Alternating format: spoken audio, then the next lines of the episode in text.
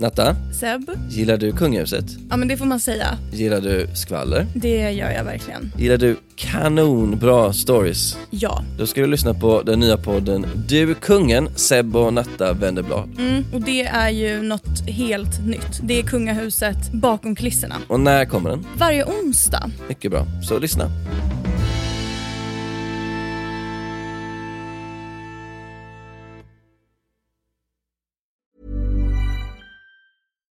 One size fits all seemed like a good idea for clothes Nice dress. Uh, it's a it's a t-shirt. until you tried it on. Same goes for your healthcare. That's why United Healthcare offers a variety of flexible, budget friendly coverage for medical, vision, dental, and more. So, whether you're between jobs, coming off a parent's plan, or even missed open enrollment, you can find the plan that fits you best. Find out more about United Healthcare coverage at uh1.com. That's uh1.com.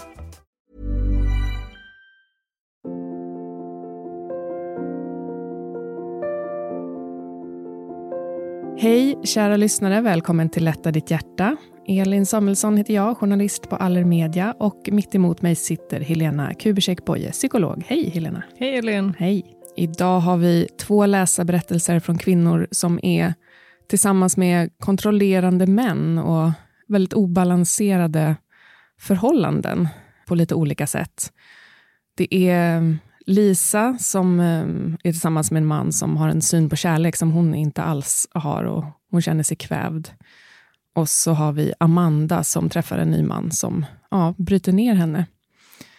Vad säger du, Helena? Är det här något du stött på i ditt yrkesliv? Ja, absolut Elin. Det här finns ju eh, både i, i relationer där det framkommer till slut man söker hjälp för det, men Mm. också i det dolda mycket tror jag. Och det kan nog slå brett. Det finns nog i alla grupper. Mm. Vi kan hitta detta oavsett vad man har för bakgrund eller var man bor eller hur det ser ut. Mm. Så det ska bli intressant att lyssna på de här berättelserna Mm. och våra läsare. Verkligen, och sen går vi lite mer på djupet på dem. Vi börjar med Lisas berättelse här och eh, berättelserna är som vanligt anonymiserade och namnen är utbytta.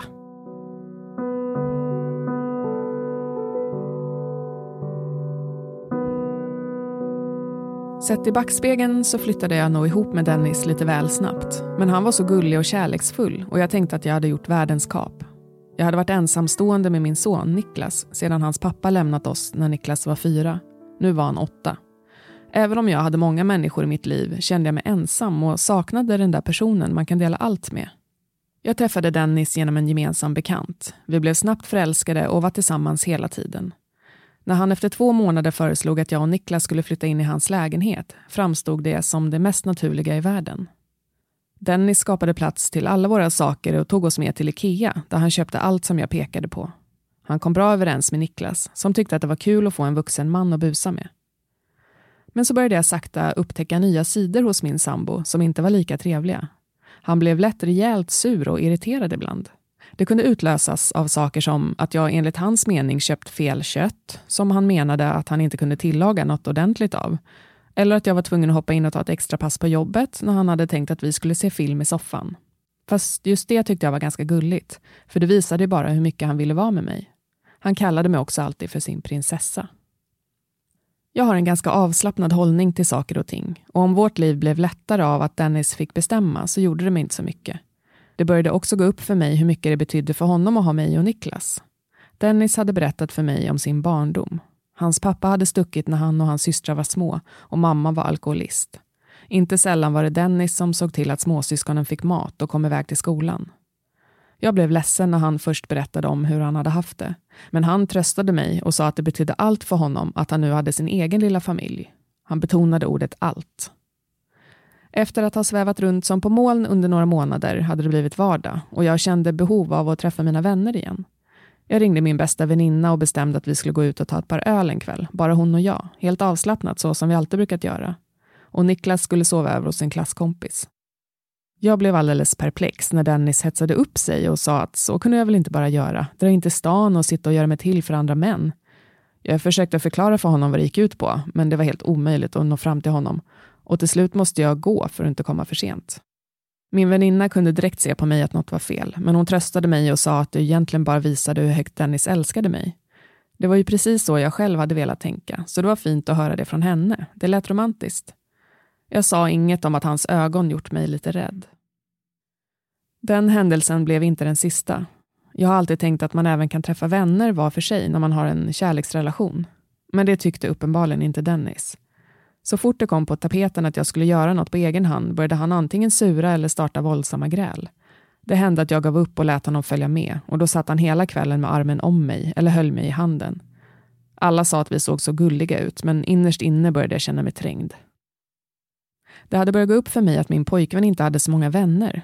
Han var en sån som kunde byta ett ord med alla och han hade en massa ytliga bekanta. Men det fanns väldigt få som han verkligen litade på. Kanske var det därför jag blev så viktig för honom. Nu förstod jag varför han hatade alla mina inbokade träffar med vänner. Det fick honom att se ensam ut i jämförelse. Det var både antalet väninneträffar och vad jag gjorde på dem som störde honom.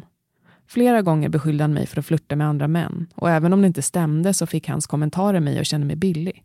Så jag började tillbringa allt mer tid hemma i lägenheten. På så vis var det lättare. Nu började jag kunna se ett mönster i Dennis beteende. När det var något som han ogillade eller som gjorde honom osäker så hetsade han upp sig och skällde. Allra värst var det om han hade druckit. Ibland grät han och sa att både hans pappa och hans ex hade lämnat honom och att ingen tyckte om honom. Det gjorde mig alltid ledsen och det fick mig att känna mig enormt egoistiskt. Och då slutade det som regel med att jag tröstade honom eller gjorde som han sa. Då skiftade hans humör som genom ett trollslag och han blev återigen den gulliga, kärleksfulla man som jag förälskat mig i.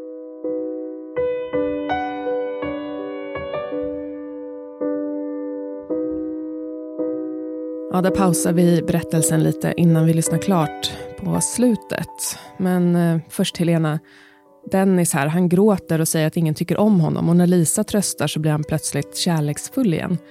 Är det ett exempel på det här söndra och härska? Liksom? Ja, men det tycker jag definitivt. Eh, att eh, liksom, han reglerar ju genom sina utbrott henne hela tiden, hur mm. hon ska reagera och vad hon ska göra. Mm. Och det är en typ av härskarteknik, ja? att eh, emotionellt utpressa på mm. något sätt. Mm. I början av berättelsen här så föreslår Niklas att Lisa och hennes son ska flytta in hos honom efter bara två månader. Kan det vara ett tecken på att han vill ha liksom kontroll? Eller? Man vet ju inte hur pass medveten han är om sina beteenden själv. Ja?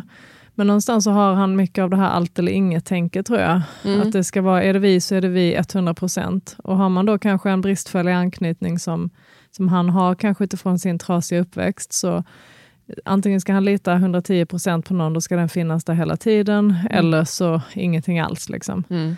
Sen är det ju det här den stormande förälskelsen i början som kan bli ännu starkare med personer som, som är så här. Han mm. är extremt sökande efter någonting att fylla sig, sitt liv med. Mm. Så, och, och, i den fasen ska man ju helst inte ta de här jättestora besluten. Nej, okay. Mm. Nej. Nej, det... Är, det är inte riktigt ett normalläge. Och hon längtar ju också efter det, ville liksom ja. återskapa någon typ av familjeliv. Så mm. det är fullt förståeligt att hon agerar och han vill, och så utifrån de mönsterna de har med sig. Mm. Han berättar om sin besvärliga, besvärliga barndom, men att Lisa och hennes son nu är hans allt. Eh, kan det vara liksom ett sätt att ge Lisa inte, dåligt samvete, liksom, så att hon inte ska lämna honom, eller sådär, hålla henne fast? Så hon är ju förmodligen en stor empat, alltså har stor empati. Mm. Det, det, låter ju så. Och då vill hon ju också se till att han mår bra.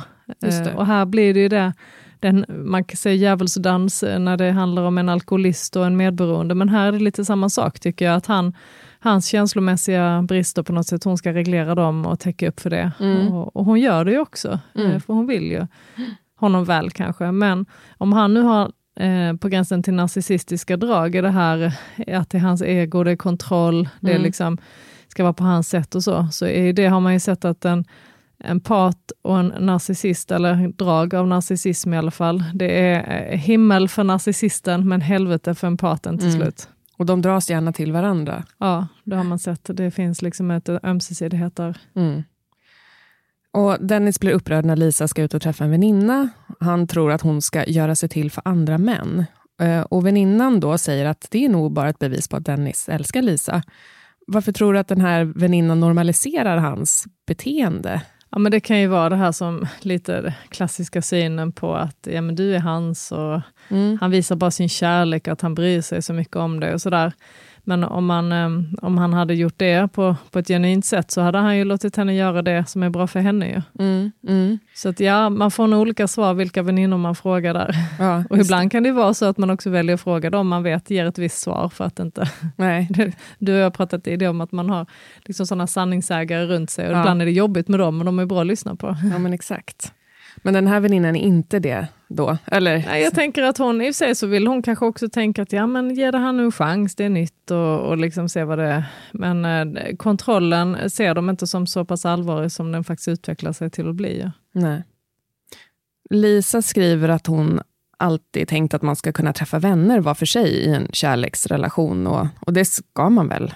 Ja, jag tycker frågan säger väl sig självt att eh, det är väl naturligt att vi behåller de relationerna vi har och sen kan man ju umgås med dem tillsammans också. Mm. Det är ju väldigt vanligt att man har vänner på varsitt håll och sen har man några man umgås med ihop. Mm. Och eh, det är en stor uppoffring att släppa taget om gamla vänner Mm. för en ny relation. Det kan ju bli väldigt ensamt. Mm, det är klart.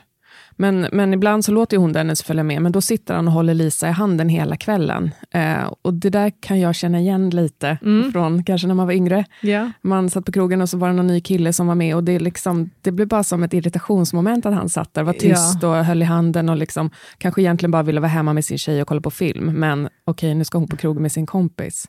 Men är, är det liksom ett, typ, ett tecken på så ägarbeteende? Eller liksom, ja, alltså det kan vara tecken på osäkerhet, är det väl i grund och botten på något sätt, att inte riktigt kunna landa och, vara, och, och, och sitta själv där och, och ha det trevligt. Eh, Men också ett sätt faktiskt att visa att här, här är det vi som hör ihop. Mm. Och i och med att han ändå uttrycker olika former av svartsjuka och göra sig till för män och liknande, så, så är det nog mer så här som du säger, någon typ av dominansbeteende. Mm, mm. Att, eh, och sen blir det inte, hon kommer inte kunna slappna av heller och, i de situationerna om han är med och beter sig så. Nej, precis. Och då blir hon låst om, om hon vet att han känner så. Om hon ska gå ut och träffa tjejkompisar Mm. själv, liksom, så blir det jobbigt för henne då. Precis. Och Dennis, han har ont om vänner själv. Jag tror att det är därför han istället skaffar sig en flickvän som han liksom knyter stenhårt till sig. Det måste ju också vara hemskt för honom att veta att den enda relation han har är till någon som han liksom Mm. nästan tvingar till umgänge. Alltså, det är ju så att vissa har ju inte samma behov av vänskap som andra. Det finns ju de personligheterna som är rätt så nöjda själva och har en, två stycken vänner som man gör vissa saker med.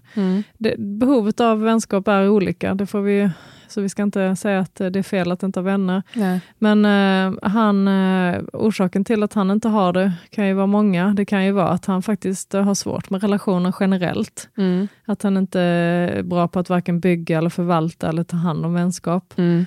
Och eh, på något sätt en relation där man liksom bor ihop och så, den blir ju liksom rätt så självklar. Mm. Det är inte så mycket att jobba på då sen. Och han, visst, eh, ja, han tvingar sig på henne här ju, så att eh, de verkar väldigt olika här, hur Mm. de är.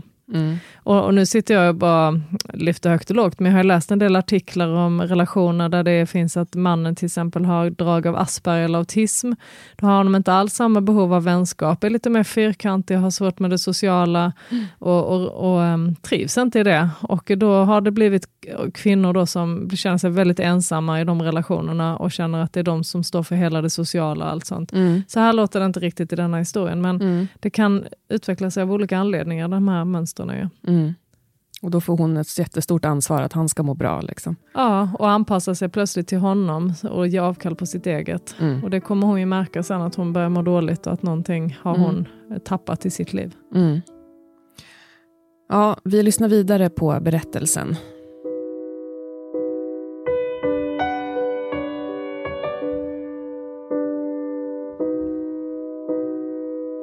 Jag kunde ju förstå att Dennis beteende nog handlade om rädsla för att bli sviken igen. Problemet var bara att han försökte att lösa ett problem som inte fanns genom att vara kontrollerande. Det och hans humörsvängningar det tärde på mig.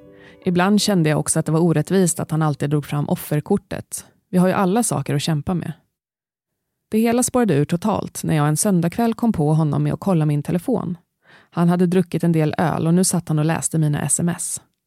Jag brukade se till att hålla våra gräl på låg volym så att Niklas inte skulle höra, men den här gången blev jag bara så förbannad. Det slutade med att vi skrek på varann innan Dennis slängde min telefon i väggen så att den gick i bitar. Därefter skrek han att han lika gärna kunde begå självmord. Sen blev det helt tyst och när jag vände mig om stod Niklas i dörren till sitt rum och grät. Han hade hört allt. Den natten la jag mig i min sons säng. Jag somnade inte, tankarna och känslorna vällde runt inom mig och synen av min sons ansikte i dörren hade chockat mig. Det var som om mitt och Dennis förhållande aldrig hittade ett lugnt mellanting. När det var bra var det riktigt bra och när det var dåligt var det riktigt dåligt. Det fanns inget mittemellan. För första gången erkände jag för mig själv att min kärlek till Dennis nog tagit slut för ett bra tag sedan. Den hade kvävts, men blotta tanken på ett uppbrott eller att jag skulle hitta en ny bostad till Niklas och mig, det var mer än vad jag orkade med. Nästa dag sjukskrev jag mig från jobbet och ringde ett par som är mina nära vänner och frågade om vi kunde övernatta hos dem. Jag slängde ner våra saker i pappkassar och flyttade ut medan Dennis var på jobbet. På bordet la jag en lapp med ett meddelande till honom att det var slut. De följande tre dagarna hade jag min telefon avstängd för jag var rädd för att läsa och höra hans meddelanden som jag förstod skulle växla mellan ilskna påhopp och heta kärleksförklaringar. Jag fruktade de senare minst lika mycket för kanske skulle min längtan efter de goda stunderna kunna få mig att ge vika. Först efter en vecka träffade jag honom igen. Vi hade stämt möte på ett café för att prata ut och precis som jag hade räknat med var han full av argument för varför vi hörde ihop. Jag frågade om han var redo att söka hjälp för sitt temperament och sin svartsjuka, men det ville han inte. Jag tror kanske inte heller att jag hade kunnat få tillbaka mina känslor för honom i vilket fall. Som tur var slutade Dennis att ringa och skriva efter några veckor. Det var inte så kul att behöva bo hos vänner i två månader innan jag äntligen hittade en lägenhet. Min son var också väldigt ledsen och jag kände skuld. Men långsamt gick saker åt rätt håll och med tiden lärde jag mig också känna mig stolt över att jag faktiskt fick sagt ifrån och satt ner foten. Idag är det dessutom så att Niklas fått kontakt med sin pappa igen. Och ju gladare han är, desto gladare är jag. Min gamla föreställning om att äkta kärlek är passionerat stormig har jag lagt på hyllan. Just nu fylls mitt liv av lugn och rutiner och så vill jag att det fortsätter.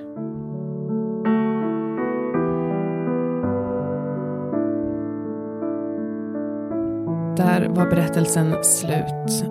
Lisa skriver här, äkta kärlek är passionerat stormig, men det behöver kanske inte alltid vara förutsättningen för ett lyckat förhållande.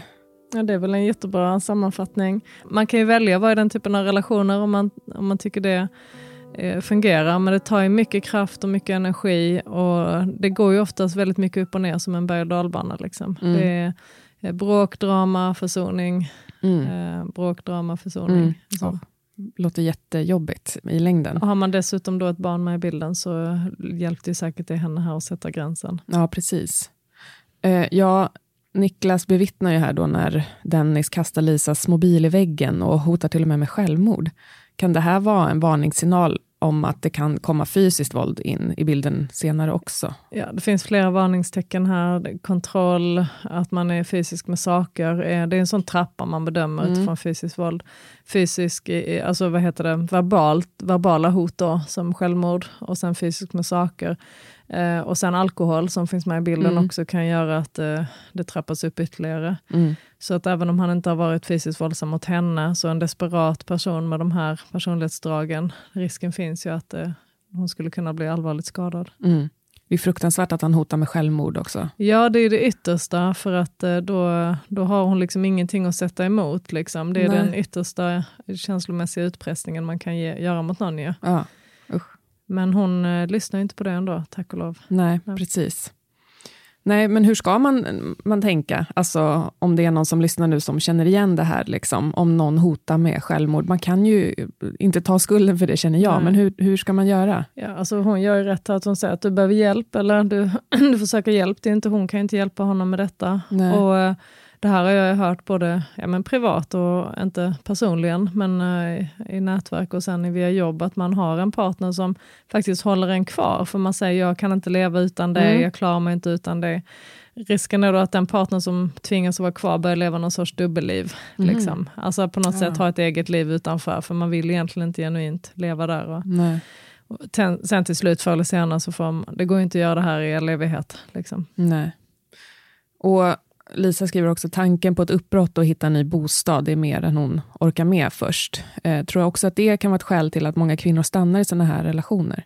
Alltså den här söndra härska-tekniken i början, den är ju också att trycka ner henne, kontrollera henne, alltså att hon slutar umgås med vänner, hon kanske tar bort sina sociala medier för att han kollar telefonen, han blir svartsjuk, hon kanske börjar klä sig på ett visst sätt. Alltså det kan ju vara ett skäl att man liksom stannar kvar, för man, till slut har man ingenting annat. Mm. Och sen så ekonomi och det praktiska, hon satsar ju här ju. Mm eh, flyttar in till honom och, så. Så att, mm. såklart, det är ju en, en lång startsträcka att bryta upp och mm. göra om igen. Verkligen.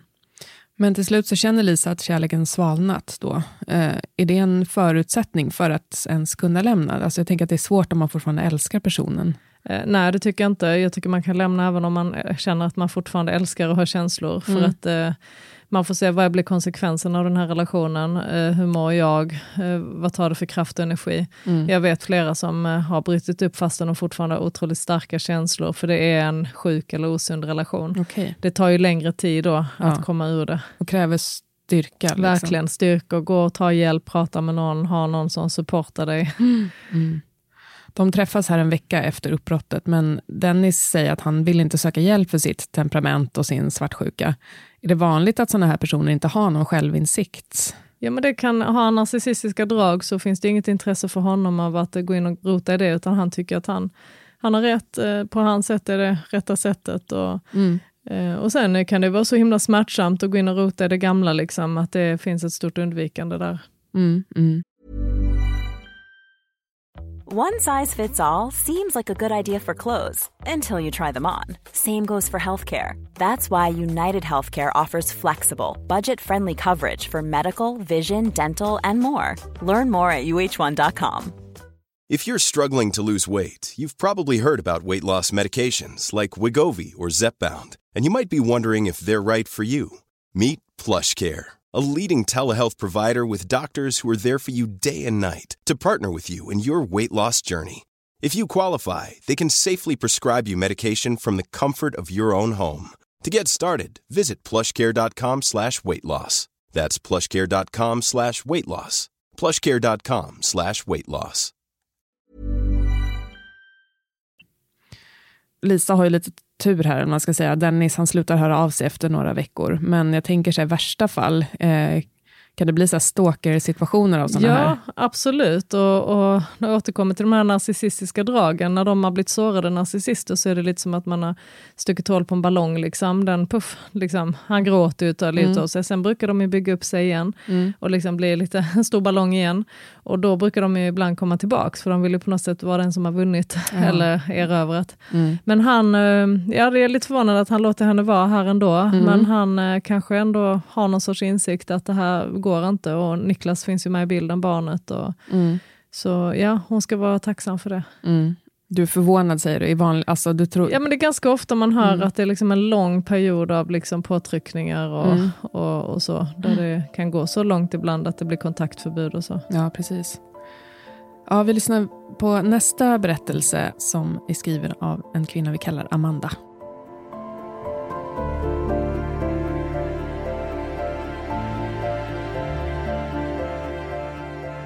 Jag träffade Jakob på en födelsedagsfest.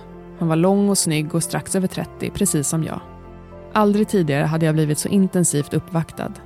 Jag hade honom till bordet under middagen och på dansgolvet släppte han mig inte förrän musiken hade tystnat. Han följde mig hem och efter en passionerad natt var vi båda övertygade om att det fanns en särskild kemi mellan oss. Han förklarade att jag var den kvinna han hade letat efter i hela sitt liv. Jag var i sjunde himlen den följande månaden och vi var tillsammans så mycket vi kunde. Varje sekund med Jakob var intensiv och jag hade aldrig varit med om något liknande. Han gav mig dyra parfymer och skickade blommor med bud. En fredagkväll reste han sig från bordet hemma hos mig och bad mig hämta mitt pass och packa en väska. I nästa ögonblick satt vi i en taxi på väg till flygplatsen och sen tillbringade vi resten av helgen i Paris. Mina vänner var avundsjuka på den impulsiva och förföriska mannen som trillat in i mitt liv och när jag berättade om honom var det nästan som om jag inte själv kunde tro att det var sant. Men varningslamporna började snart att blinka. En dag när vi var på Systembolaget så stoppade han en dyr flaska vin innanför jackan och gick med ett snett leende genom kassan. Mitt hjärta gick för högtryck och jag konfronterade honom ute på gatan. Vad höll han på med? Han skrattade och menade att det inte var för att han inte hade råd utan för spänningens skull. Gränser skulle överskridas även på andra områden. Han ville ha sex på gästtoaletter, i en buske i parken eller i bilen på en parkeringsplats. Jag var inte riktigt med på noterna, men när jag försökte protestera så strök han mig över håret och sa att jag levde inom allt för snäva gränser. En kväll dök han aldrig upp hemma hos mig som avtalat. Jag kunde inte nå honom och blev orolig. Först efter midnatt kom han och förklarade att han hade besökt sitt ex. Jag blev förtvivlad och menade att så kunde han ju inte göra. Du ska inte säga åt mig vad jag får göra och inte, varnade han. Du ska inte kontrollera vem jag umgås med. Innan jag hunnit svara hade han vänt på klacken och försvunnit och jag grät mig till sömns. Efter en veckas tystnad fick jag en enorm bukett rosor med bud till jobbet. Samma kväll talade han om för mig att han ville fortsätta att träffas, men att jag var tvungen att lita på honom, annars skulle det inte gå. Jag försökte verkligen att lita på honom, men det var något som inte stämde. På ett födelsedagskalas i hans familj var hans ex också bjuden och han försvann med henne och var borta en timme. Men jag var så förälskad att gränsen för hur långt jag kunde sträcka mig för att behålla honom flyttades hela tiden. En kväll ville han träffas på stan och jag skulle sätta på mig de sexiga underkläder som han hade gett mig. Vad skulle nu hända? Skulle vi bo på hotell? Med Jakob kunde man aldrig veta. Hela mitt inre protesterade när vi senare befann oss på en swingersklubb. Jag ville bara försvinna. Detta var så långt ifrån min värld som man kunde komma. Livet är en fest, sa Jakob, och det gäller att festa innan det är slut. Men denna gång gick det inte. Jag vägrade att tillbringa en enda sekund till där inne och gick ut på gatan igen. Jakob blev rasande och hotade med att om jag inte gick med honom in igen så fick jag ta mig hem själv. Jag valde att gå hem, men jag var olycklig. Nu var det definitivt slut.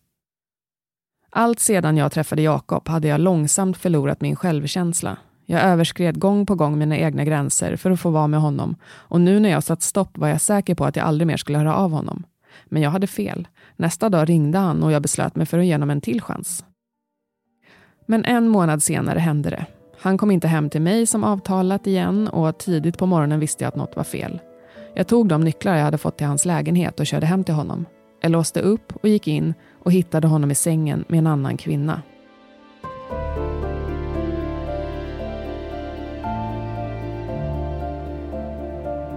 Ja, där pausar vi den här berättelsen också. Amanda hittar Jakob i sängen med en annan kvinna. Det här att han säger att Amanda måste lita på honom om de ska fortsätta ses. Är det ett sätt för honom att kunna träffa andra kvinnor bakom hennes rygg utan att ha, få konsekvenser? Liksom? Det verkar nästan vara så att han manipulerar henne extremt ja. mycket. Han eh, är oärlig och han ställer krav på henne ja. som han inte ställer på sig själv. Ja. Nej, usch. ja. Till en början låter det lite härligt det här liksom, med impulsiva överraskningsresor och blombuketter och så. Är det ett beteende som du kanske ser något problem med ändå? Eller? Alltså vi matade lite via så popkulturen med eh, den här eh, liksom, typen av uppvaktning från män, att det ska vara något väldigt positivt i det. Mm. Och Det är inte fel, men det låter ju som att det är gränsöverskridande och som hon skriver så flyttas ju eh, kickarna hela tiden. Mm. Det ska mm. vara lite mer, lite häftigt, lite normbrytande. Mm. Och eh, ja, hon förförs ju av detta, för det frigörs ju massa dopamin, du vet. Vi har mm. pratat om det ämnet innan och dopamin är liksom kroppens eget knark och hon blir hög på det här och hon blir väldigt fäst vid honom. Mm. Och eh, den du inte kan få tag på riktigt kommer du vilja liksom ha ännu mer på Just något det. sätt. Mm. Så det här flyktiga i hans beteende kopplat till att han sen är väldigt intensiv med henne, det, det mm. gör ju att hela hennes liksom, eh, system är säkert jätteaktiverat. Mm. Och här tänker jag att hon har ju, om vi pratade tidigare om empater och narcissister som är dödliga för varandra, mm. eller på nästan säga känslomässigt i alla fall, mm. så skulle man kunna säga här att hon, man pratar ibland om kärleksberoenden, Mm. Att hon kan ha eh, ett kärleksberoende till honom. Hon vill ju ha kärleken och relationen. Mm. Och han låter mer som att han har ett sexberoende. Mm. Att han har ett sexmissbruk då, mm. både han agerar ut med andra kvinnor och på den här swingersklubben. Ja, och eh, en match av de här två kan också bli väldigt destruktiv. Ja, ja. Mm. Och för Amanda, som du säger, hon är ju förälskad då, förflyttar hela tiden sina gränser för hur långt hon kan gå för att behålla honom. Hur ska man lyckas vara realistisk när man är sådär förälskad? Kan man liksom checka av med vänner? Eller? Ja, alltså. men jättebra fråga. För att, uh, letar man, han, hon är liksom säkert förälskad i själva kärleken eller förälskelsen. Eh, man kan göra en datingplan för sig själv när man träffar någon. Mm. Det är ett jättebra tips. Mm. till exempel. Och I den datingplanen kan man göra för de första tre månaderna till exempel. Och Då kan man tänka sig, vad är viktigt? Ja, men kanske första tre dejterna så kanske man bara träffas nyktert, ute och går, mm. lunch, vad man nu hittar på. Sen kanske efter x antal dejter så kanske man kan vara lite fysisk. Mm. Eh, och sen så ska man ta nästa steg, kanske man ska låta att det ska gå en månad för att man ska hinna med att tänka och känna efter. Mm. Och sen månad två så kanske man har liksom, okej, okay, det är de här sakerna som känns okej okay för mig, för att inte tappa sig själv helt. Och mm. sen kanske tredje månaden, då har, tar man oftast något vägval, liksom, att man ska mm. fortsätta eller inte. Mm. Men att ge tid och utrymme mellan träffarna, så man hinner känna efter. Mm. Och framförallt att märker man att man tappar allt annat, då är det en stor varningssignal att det här är på något sätt intensitet snarare än kärlek. Just det, precis. Man liksom utvärderar lite längs vägen. Ja, också. och där behövs vänner kanske också. Det behövs faktiskt tid för sig själv emellan dejterna, att inte liksom man sveps iväg. Hon gör ju verkligen det här och det förstår man utifrån mm. vad hon berättar. Mm. Vilken eh, show liksom hon är med i, men mm. hon går ju också över sina gränser och det är han som styr hela mm. tiden. Ja. ja, precis. Och Hon skriver att hon långsamt förlorar sin självkänsla och hon ger honom en chans till. Det är inte helt ovanligt eller? Nej, alltså han har ju liksom knutit an henne så starkt till sig. Liksom. Och hon vill ju vara den kvinnan han vill mm. vara med tror jag. Mm. Alltså hon konkurrerar med exet och hon hittar en annan. Och, Eh, eh, nej men visst, och när vi flyttar våra gränser eh, så gör vi våld på oss själva. Mm. Eh, och då blir det en sämre självkänsla som det kan ta väldigt lång tid att bygga upp sen igen och hitta sina gränser. Mm. ja, han säger ju du lever inför, eh, innanför för snäva ramar. Liksom. Ja, och han får henne att känna sig fel då, mm. att hon är tråkig eller att hon inte kan vara, lita på honom. Och han projicerar ju massa saker på henne som, som inte är sanna. Ja, precis. Så att hon behöver ju liksom eh, checka av med andra och vara ärlig med andra vad hon går igenom och hur hon är. För oftast kan det vara så att man inte ens vågar berätta för sina närmsta hur Nej. man har det. Och framförallt vet jag det här att man går tillbaks. Eh, det, kanske, det är så skamfyllt mm. att det är många som inte ens de gör det i hemlighet mm. och då blir man ännu mer ensam i den här relationen. Just det. Ja, usch. Innan vi bröt här så hade Amanda hittat Jakob i sängen då med en annan kvinna. Vi lyssnar vidare på slutet.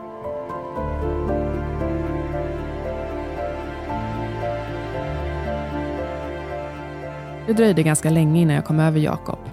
Det var först när jag slutade grubbla över hans gränslöshet och istället fokuserade på varför jag var så besatt av honom som förbannelsen släppte. Jag hade ju lurat mig själv mest. Varningssignalerna fanns ju där redan från början, men jag hade valt att ignorera dem och så småningom förlorat min egen verklighetsförankring. Jakob hade fått mig att känna mig utvald och gjort tillvaron spännande och jag hade blivit beroende av den kick han gav mig när jag var föremål för hans intensiva uppvaktning och passion. Det var smärtsamt att inse att jag hade lurat mig själv. Idag, två år senare, hoppas jag fortfarande på att hitta någon att dela mitt liv med. Men jag kommer aldrig att svika mig själv för att behålla en man. Jag har lärt mig att respektera mina egna gränser.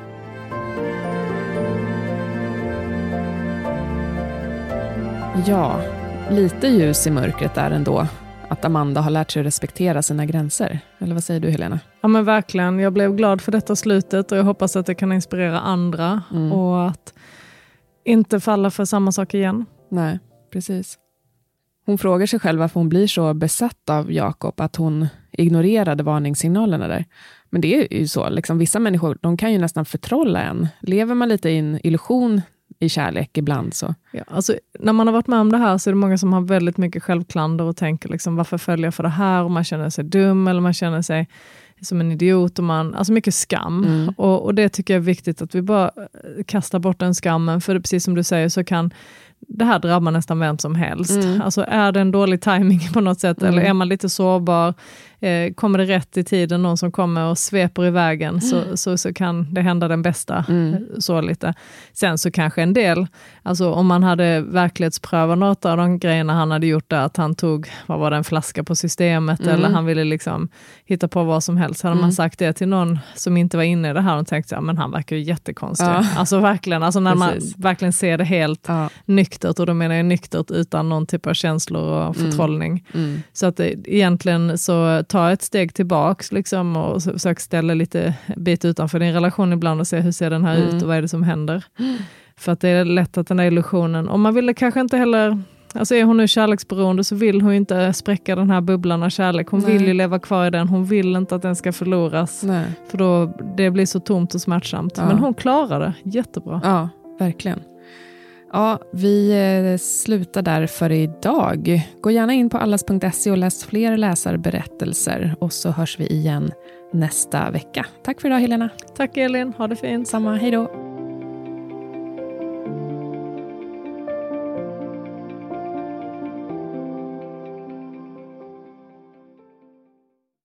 En podd från Allermedia.